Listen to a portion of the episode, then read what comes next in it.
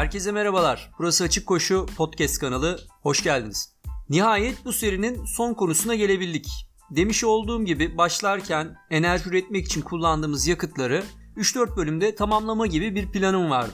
Öte yandan bölüm içinde yer alan bilgileri kurabiye canavarı gibi yalayıp yuttuğum için sonunda çeşitli öneriler geldi tabi. Ve ben bilgilerin demlenebilmesi için araya daha fazla örnek, daha fazla mizansen falan sıkıştırmaya karar verdim. Hal böyle olunca da bir bölümde yayınlayacağım iki hatta üç konu başlığını her biri bir podcast'i kapsayacak şekilde genişlettim. Kötü mü yaptım? Elbette ki hayır. Hatta bana önerilerde bulunan arkadaşlarıma da çok teşekkür ediyorum. Sayelerinde şimdi hiç yoktan 6 tane podcast'e sahibim ve kimse bana podcastçi değilsin diyemez artık. Son bölüm dedim ancak ilk iki bölümde vantuzladığım bazı bilgilerin üstünden geçeceğim önemli başlıkları içerecek, sık sorulanlar, merak edilenler hakkında e, bir soru cevap podcast'i yapsam mı diye de düşünmüyor değilim. Buraya kadar dinlemişsiniz eğer lütfen bu konuda bana yardımcı olun. Gerek yok bokun çıkardın zaten diyorsanız da belirtin lütfen. Zira her tekrar gerekli olmayabilir. Her şeyin fazlası zarar çünkü. Haliyle bir soru cevap podcast'i yani bir önceki pardon önceki bölümlerde vermiş olduğum bilgiler üzerinden bir soru cevap podcast hazırlayıp hazırlamamam gerekli mi gereksiz mi buna siz karar vereceksiniz. Gelelim bu haftaki konumuza toparlanmaya. Bahsi geçen terim ev temizliğini kastetmiyor. İngilizce circavary olan ve genellikle de bu kelimeyle ifade edilen bir süreci anlatacağım. Beylik laflara başlayabiliriz. Maraton koşanlar bilirler. İlk hedef koşulan süre değildir. Hatta yarışı tamamlayabilmek de değildir ilk hedef. İlk hedef o maratona başlayabilmektir. Maraton 42 kilometre ve 195 metre mesafede koşulan bir yarıştır ve örneğin 3 saatte tamamlamışsınız maratonu bu sonucu şu şekilde düzeltebilirsiniz. Hayır. 6 ay artı 3 saatte. Koşucuları motive eden şeylerin başında gelecekte koşmayı planladığı yarışlar gelir. Ve bu yarışlarda kişisel en iyi derecelerini yapmayı hedeflerler. Bazen sadece tamamlayabilmek bile önemlidir ki bundan bahsetmiştim. Benim gibi belirli bir programla hazırlanan koşucular bir desteğe ihtiyaç duyabilirler. Bir kısım koşucu kendi kendinin antrenörü olabilir ancak ben bu konuda biraz gelenekçiyim. Her koşucunun dışarıdan desteğe ihtiyacı olduğunu düşünüyorum ve bu nedenle bir antrenörle hatta bir grupla birlikte çalışmak benim için çok önemli. Koşu programları ve antrenmanın önemi, antrenörle çalışmak konularına ileride bir podcast'te değineceğim. İşte ister maraton, ultramaraton, isterse bir 10K olsun Koşucular bu yarışlara belli bir program dahilinde hazırlanırlar ve bu programlar bazen hedef yarıştan çok daha zorlayıcı antrenmanlar içerebilir. Çünkü gelişebilmek, yeni düzeyde adaptasyon geliştirebilmek için bünyeyi krize sokmak, yıpratmak ve zorlamak gerekir. Öte yandan her krizin üstesinden gelip ertesi gün koşmaya devam edebilmek, programda yer alan koşuyu tam da kapsadığı zorluk seviyesinde koşabilmek de önemlidir. Bu nedenle iki koşu arasında geçen süreyi nasıl geçirdiği çok çok belirleyicidir koşucunun. Biz bu sürece toparlanma yani sizin de bildiğiniz şekilde recovery adını veriyoruz. Toparlanmanın çok çeşitli adımları, yolları ve yöntemleri vardır. Konumuz gereği ben burada sadece işin enerji yakıtları kısmını ele alacağım. Mesela uyku, sıvı alımı falan bu podcast'in kapsamında değil. Onları belki bir başka podcast'te yani umarım aktarabilirim. Ne demiştim? Özellikle maraton koşucuları için maratonda koşabiliyor olmak bile büyük başarıdır. Zira o gün gelip çattığında geride bıraktığı birkaç ay nasıl merhalelerden geçtiğini, ne gibi zorluklar atlattığını hatırlar ve şükreder. Önünde sadece 42 kilometre kalmıştır çünkü. Her hedef yarış belirli bir hazırlık dönemine sahiptir. Uzunluğu duruma göre değişir. Bazı koşucular 5 hatta 6 aylık bir hazırlık aşamasından geçebilirler. İşte bu hazırlık dönemleri bazen oldukça zordur. Hatta kendimden örnek vermem gerekirse bazı antrenmanlarımın ki bunların bir kısmı ne çok yüksek tempolu ne de uzundu hedef yarıştan çok daha zor geçtiğini hatırlıyorum. Bu zorluğun bir nedeni elbette ki antrenmanın içeriğidir. Ancak öncelikli neden birikimden ileri gelir. Koşucu koştuğu her gün bir miktar stres biriktirir ve ne yaparsa yapsın biriken bu stres tam olarak telafi edilemez ve yorgunluğa yol açar. Kademeli olarak artan yorgunluk bazen en kolay egzersizlerin bile sürdürülememesine neden olabilir. Bu gibi sebeplerden ötürü koşucular egzersizler arasında maksimum düzeyde toparlanma sağlamaya çalışırlar. Tekrar söylemekte fayda var. Gerek iki egzersiz arasında olsun, gerekse de iki hafta ya da antrenman yükleme bloku arasında toparlanma oldukça belirleyici bir yere sahiptir. Yorgunluğun birinci nedeni kas glikojen depolarının tükenmesidir. Önceki podcastlerde ifade etmeye çalışmıştım. Glikojen depolarının boşalması fiziken ve mental olarak tükenmeye yol açar. Haftaya hafif tempo bir koşu ile başladınız diyelim. İlerleyen günlerde tempo şiddeti yüksek, uzun ve çok çok uzun koşular da yaptınız. Tabi düzenli de besleniyorsunuz. Her sabah, öğle ve akşam. En uzun koşunun ardından karbonhidrat içeren içecekten mesela iki şişe içtiniz ilave olarak. Ancak pazar günkü hafif tempo koşunuza yine de zinde başlayamadınız. Çok zorlandınız. Çünkü yorgunluk kademeli olarak artan bir özelliğe sahiptir ve bazı durumlarda kaçınılmazdır. Egzersizde kaybedilen glikojeni yerine koyma konusunda önemli olan şey telafi edilecek karbonhidrat miktarı değil, telafi edilecek enerjidir. Kas glikojen yenilenmesi bu kalori açığı giderilmeden tam olarak tamamlanmış sayılmaz. Mesela günlük hayatınızda normalde saat başına yaklaşık 80 kilokalori tüketiyorsunuz. Bu miktar ortalama bir değer tabi. Zira uykuda çok daha az kalori harcarken sabah işe ulaşmak için yaptığınız rutin yürüyüş, toplu taşıma veya araç kullanımı çok daha yüksek kalori gerektiriyor. Dahası beyin de yüksek seviyede bir kalori öğütücüdür ve yoğun kullanımı farkında olmadan fazladan kalori harcamak demek. Bu sebeple yoğun iş temposuna sahip beyaz yakalılar da şantiyede fabrikada çalışan işçiler kadar yıpranmış olarak eve dönebilirler mesela. Her neyse bu durumda günlük yaklaşık 2000 kilokalori ihtiyacınız olacak. Bu da şu demek, bu kadar enerjiyi besin yoluyla almanız gerekiyor ki kalori açığı oluşmasın falan. Günde 1000 kalorilik de koşu yaptınız mesela. İlave olarak bu açığı da kapatmanız gerekecek. E tabi zayıflamak gibi bir derdiniz yoksa. Bu miktar kalori akla telafi edilebilirmiş gibi geliyor evet. Ancak bu durum bir sürekliliğe sahip. Çünkü geçen her gün siz yeni bir 1000 kalorilik koşu yapıyorsunuz. Neyse biz glikojen seviyesine geri dönelim.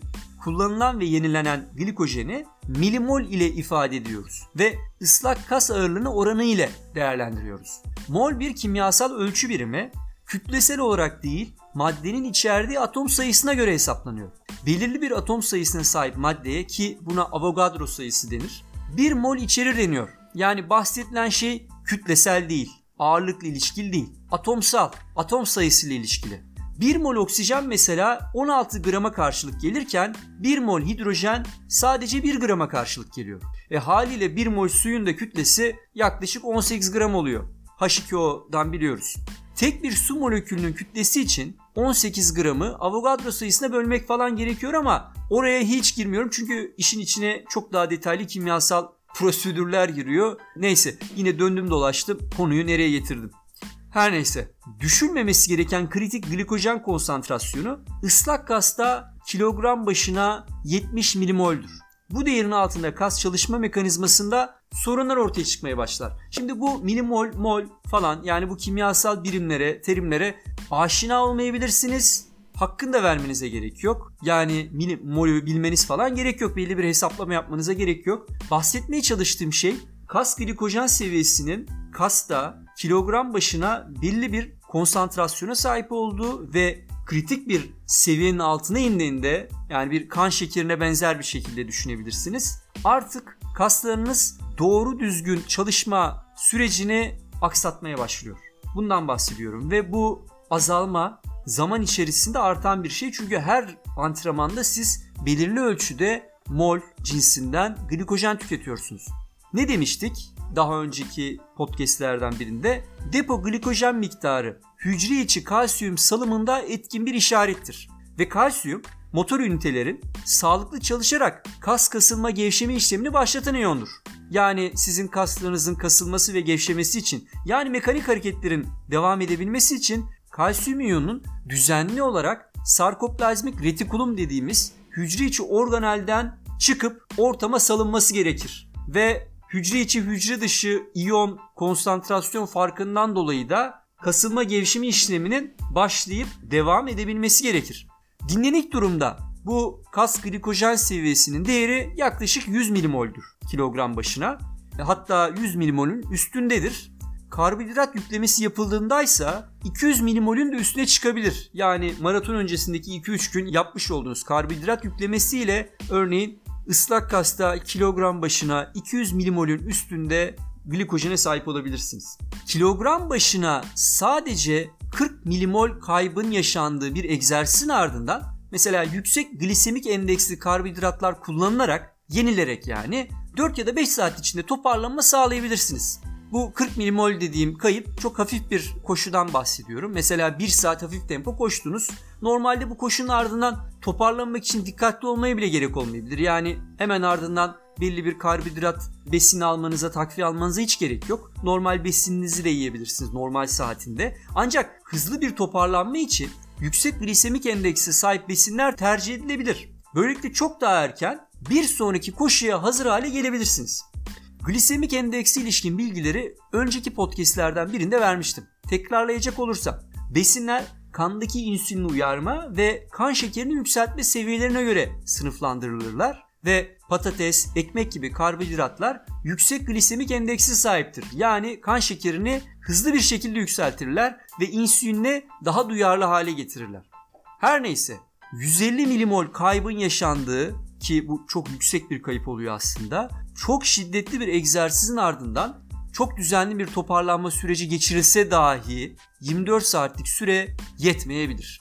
Bunun nedeni glikojen yenilenme hızının bir maksimum değeri ve süresi olmasıdır. Maksimum glikojen yenilenme hızı ilk 4 saat içinde yani egzersizin o şiddetli egzersizin bitiminin ardından ilk 4 saatte kilogram başına ortalama 10 milimoldür. Bu 4 saat geçtikten sonra ise hız yaklaşık yarısına düşer ve saatlik 4 ila 6 milimol seviyesinde yenilenme gerçekleşir. Yani siz sert bir egzersiz yapıyorsunuz, tamamlıyorsunuz. Tamamladıktan sonra süper besleniyorsunuz karbonhidrat yoğun ve ilk 4 saatte saat başından 10 milimol artacak şekilde glikojen depolarınızı besliyorsunuz, yeniliyorsunuz. Ancak 4. saatin ardından yenilenme hızı yaklaşık yarısına düşüyor ve 4 ila 6 yani 5 milimol diyebiliriz. Saat başına 5 milimol siz kas glikojenlerinizi yenilenme, yenilemeye devam ediyorsunuz. Şimdi bu ne demek oluyor? Örnekle açıklıyorum.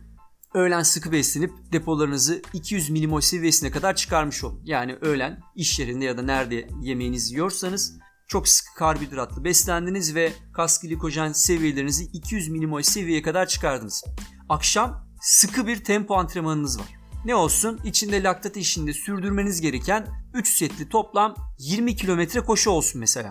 Ve bu egzersizde 150 milimol kadar glikojeni aktif kaslarınızda harcayacaksınız. Kaldı ki o antrenman başlayana kadar geçen sürede bir miktar glikojeni yani bu öğlen yediğiniz yemekle depolamış olduğunuz glikojeni diyorum. Yürürken atletizm pistine ulaşmak için bir kısmını tükettiniz. Bu da yaklaşık 20 milimol olsun. Antrenmana 180 milimol ile başlıyorsunuz yani. 150 milimolünü aktif olan kalp ve hamstring kaslarınızda harcadınız. Sonuçta kollarınızda ya da ne bileyim göğüs, göğsünüzde sırtınızda o denli tüketim olmuyor ama aktif kaslarınızda kilogram başına 150 milimolü harcadınız. Bunlar da kalp ve hamstring kaslarınız olsun. E ne kaldı bu kaslarınızda? Kilogram başına 30 milimol. Şimdi bunu ertesi günkü koşuya kadar toparlamanız gerekiyor. Yani antrenmanda aktif olarak kullanmış olduğunuz bu kasları ertesi güne hazır hale getirmeniz gerekiyor. Beslendiğinizde yenilenmeleri gerekiyor yani bu kasların. Tabi bu elinizden geldiğince olacak. Akşam 7'de başlamıştınız koşuya yani 19'da ve 20-30 gibi 1,5 saat sonra koşunuz bitti. Siz artık toparlanma fazına geçtiniz. Ertesi gün 19'da yani aynı saatte yeni bir koşunuz var ve önünüzde artık 22,5 saatiniz var. Çünkü 1,5 saati zaten koşuyla birlikte geçti. Ne dedim? İlk 3-4 saat çok önemli. En hızlı toparlanma o sırada ve saatte 10 milimol kilogram başına. Yani her saat 10 milimol yenilenme gerçekleşiyor. Sizin 30 milimolünüz kalmıştı aktif kaslarınızda. 4 saatin ardından bu miktarı 70'e çıkardınız. Çünkü 4 saatte 10'ar milimolden 40 milimol arttı kas glikojen seviyeniz. Kalan 18,5 saatte ise artık artış hızı yarısına ineceği için yani 5 milimole kadar ineceği için toplamda kalan 18,5'la yani 90 civarında milimolü 70 ile topladığımızda maksimum 170 milimole kadar çıkartabiliyorsunuz. Yani isteseniz de 200 milimolü artık göremiyorsunuz ertesi gün. Bu ne demek oluyor? Yüksek şiddetli egzersizden önceki gün 200 milimole kadar çıkabilen kas glikojen seviyeniz bu egzersizin ardından ne kadar çabalarsınız çabalayın asla o seviyeye çıkamıyor. Çünkü kas glikojen seviyesinin artabileceği bir limit var. Yani yenilenme hızı var ve bu hızı ne yazık ki aşamıyorsunuz. Yani bunun olabilmesi için tahminen doping falan kullanılıyordur. Başka türlü çünkü fizyolojik olarak gerçekleşmiyor. en ideal beslenme koşullarında dahi gerçekleşemiyor bu. Şimdi birikimin nasıl olduğunu aşağı yukarı kestirmişsinizdir diye düşünüyorum. 200 milimol ile başladığınız hafta 170 milimole düştü. Belki ertesi gün tekrar 200'e çıkartabilirsiniz ama sonuçta adım adım adım adım bu düşer. Çünkü her hafta sizin birkaç tane şiddetli egzersiziniz var. Tabii ki toparlanma için belki bir ya da iki gün koşmuyorsunuz, egzersiz yapmıyorsunuz falan ama haftalar ilerledikçe yorgunluk çökmeye başlar. Devam edelim. Egzersizin ardından kas glikojen restorasyonu yani yenilenmesi iki aşamalı olarak gerçekleşir. İlk aşamada geri kazanım çok hızlıdır ve insülin gerektirmez. Eğer glikojen yıkımı yüksek olmuşsa bu ilk iki aşama 30 ila 40 dakika sürebilir. Bu süre içerisinde alınan karbonhidrat çok kısa sürede kas depolarını besleyecektir. İkinci aşama insüline bağlıdır ve daha yavaş bir şekilde gerçekleşir. Glikojen yenilenmesi bu aşamada dışarıdan alınan takviye ile hızlandırılabilir. İkinci aşama karbonhidrat takviyesine bağlı olarak birkaç gün sürebilir. Biraz önce de bahsettiğim gibi, ifade ettiğim gibi hız ilk 4 saatin ardından düşer ve sonra sabit bir hızda yaklaşık yarı hızında yani yenilenme devam eder. Karaciğer glikojen deposunun yenilenmesi daha kısa sürede gerçekleşir. Zira kan şekeri seviyesinin korunması çok daha önemlidir. Kaslarınızın çalışamıyor oluşu kan şekeri seviyenizin kontrolünden daha önemli değildir. Zira yine bahsetmem gerekiyor. Kan şekeri aynı zamanda beyni de besliyor. Beyin yani yönetsel organ çok daha kritik bir organ olduğu için öncelik karaciğer glikojen depolarımızda. Egzersizin ardından dışarıdan karbonhidrat alınmadığı durumlarda dahi düşük oranlarda glikojen yenilenmesi gerçekleşebilir. Glukagon hormonu glikoneojenez yoluyla yani karbonhidrat olmayan kaynaklar kullanarak glikojen depolanmasını sağlamaya yardımcı olur. Bu karbonhidrat olmayan kaynaklar protein olabilir, yağ olabilir ve egzersizin bir yan ürünü olan laktat da glikojene çevrilerek geri depolanabilir. Şimdi ne olmuştu hatırlayalım. Egzersizi karaciğer ve kas glikojen depolarınızı kullanarak yaptınız diyelim. Keza yağ depolarınızı da kullanıyorsunuz ancak onlar mühim değil. Çünkü sınırsız sayılabilecek düzeydeler glikojen depolarımıza nazaran.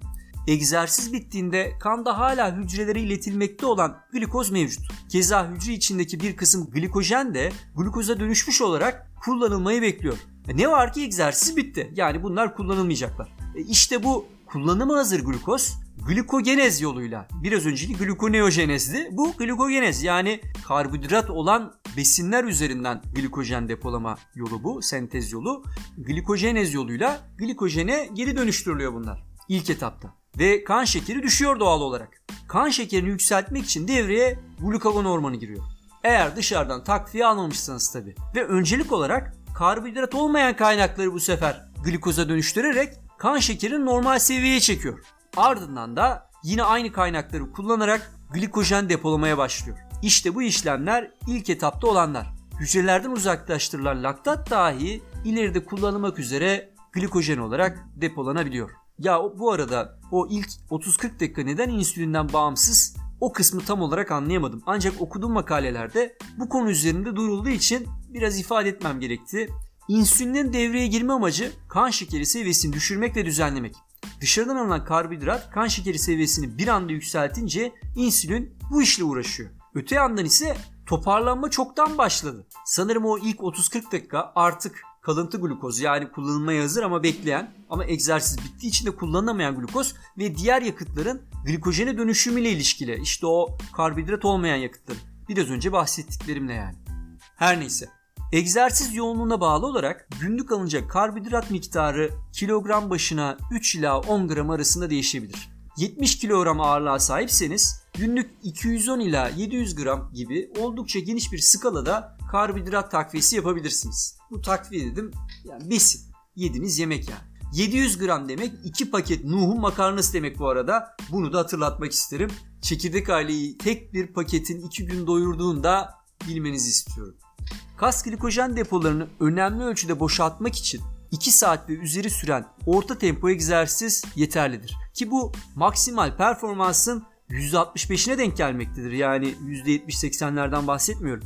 Böylesi bir egzersizin ardından 24 saatlik istirahat ve vücut ağırlığına göre kilogram başına 10 gram karbonhidrat içeren diyet toparlanmaya yeterli olacaktır. Biraz önce bahsettiğim işte 70 kilogram ağırlığa sahipseniz Bu 10 gram da 700 grama tekabül ediyor ama işte 2 pakette Nuh'un makarna anlamına geliyor.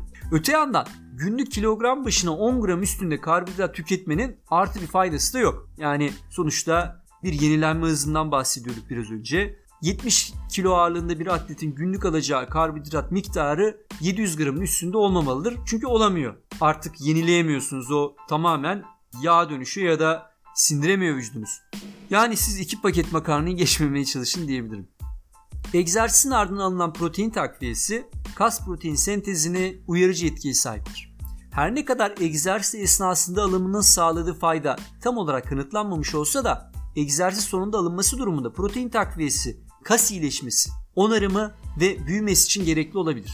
Egzersizin hemen ardından kilogram başına alınacak 0.3 ila 0.4 gram protein kas protein sentezini optimize etmeye yardımcı olur. Protein insülin hormonunu uyararak kas glikojen depolarının korunmasına yardımcı olur. Ek olarak protein BCA'ların yani dallı zincirli amino asitlerin oksidasyonu da dahil olmak üzere dayanıklılık egzersizi sırasında yorgunluğun gelişiminde rol oynayan diğer faktörleri de etkileyebilir. Proteinin karbonhidratla birlikte alınmasının glikojen depolarının yenilenmesinde oldukça verimli olduğu pek çok farklı deneyle gösterilmiş. İdeal olarak toparlayıcı içeceklerin dörtte bir oranında karbonhidrat ve protein içermesi önerilir. E, siz de örneğin recovery drink ya da işte besin aldığınızda açıklaman kısmındaki tabloya falan bakarsanız içeride karbonhidrat ve protein oranının dörde bir oranına yakın olduğunu göreceksinizdir. Yani her 4 gram karbonhidrata karşılık 1 gram protein içeren içeceklerden bahsediyorum. Egzersizden sonraki ilk 2 saat yağ alımı önerilmez. Çünkü yağlar alınan içeceklerin mideden emilmesi üzerinde olumsuz etkiye sahiptir. Maraton gibi uzun bir hazırlık dönemine belirli periyotlara sahip yarışlar yaklaşırken koşucunun direnci ve bağışıklık sistemi zayıflayabilir. Hastalıklara ve sakatlıklara daha açık bir durumdadır. Bunun pek çok nedeni olabilir. Örneğin yetersiz glikojen takviyesi, sıvı alımı ve uyku eksikliği gibi. Proteinlerin de bu süreçte önemli görevleri vardır. Daha önceki bölümlerde glutaminlerden bahsetmiştik. Glutamin normal olarak ciğerlerde ve beyinde üretilir. Öte yandan kaslarımız bu amino asidin yaklaşık %60'ını depolar. Egzersiz yoğunluğu arttıkça ve günler geçtikçe kaslarımızdaki ve kan plazmasındaki glutamin konsantrasyonu önemli ölçüde azalır. Bunun nedeni fiziksel stresin beyaz kan hücrelerinin üretiminde bir artışı neden olmasıdır ve bu artan bağışıklık hücrelerinin fazla enerji gerektirmesidir. Keza glutamin beyaz kan hücrelerinin üretiminde aktif bir rol oynar. Dahası artan egzersiz yüküyle birlikte ince bağırsak hücreleri de glutamine ihtiyaç duyarlar. Bu sebeplerden ötürü uzun mesafe koşucularında kandaki glutamin düzeylerinde önemli ölçüde düşüşler yaşanabilir. Bağışıklık sisteminde hasara ve hastalıklara yol açabilecek bu durumla başa çıkabilmek için glutamin takviyesi alınabilir. Diyet alımınıza, sağlığınıza ve ne sıklıkta ve yoğun egzersiz yaptığınıza bağlı olarak günde 8 ila 20 gram arasında glutamin öneriliyor.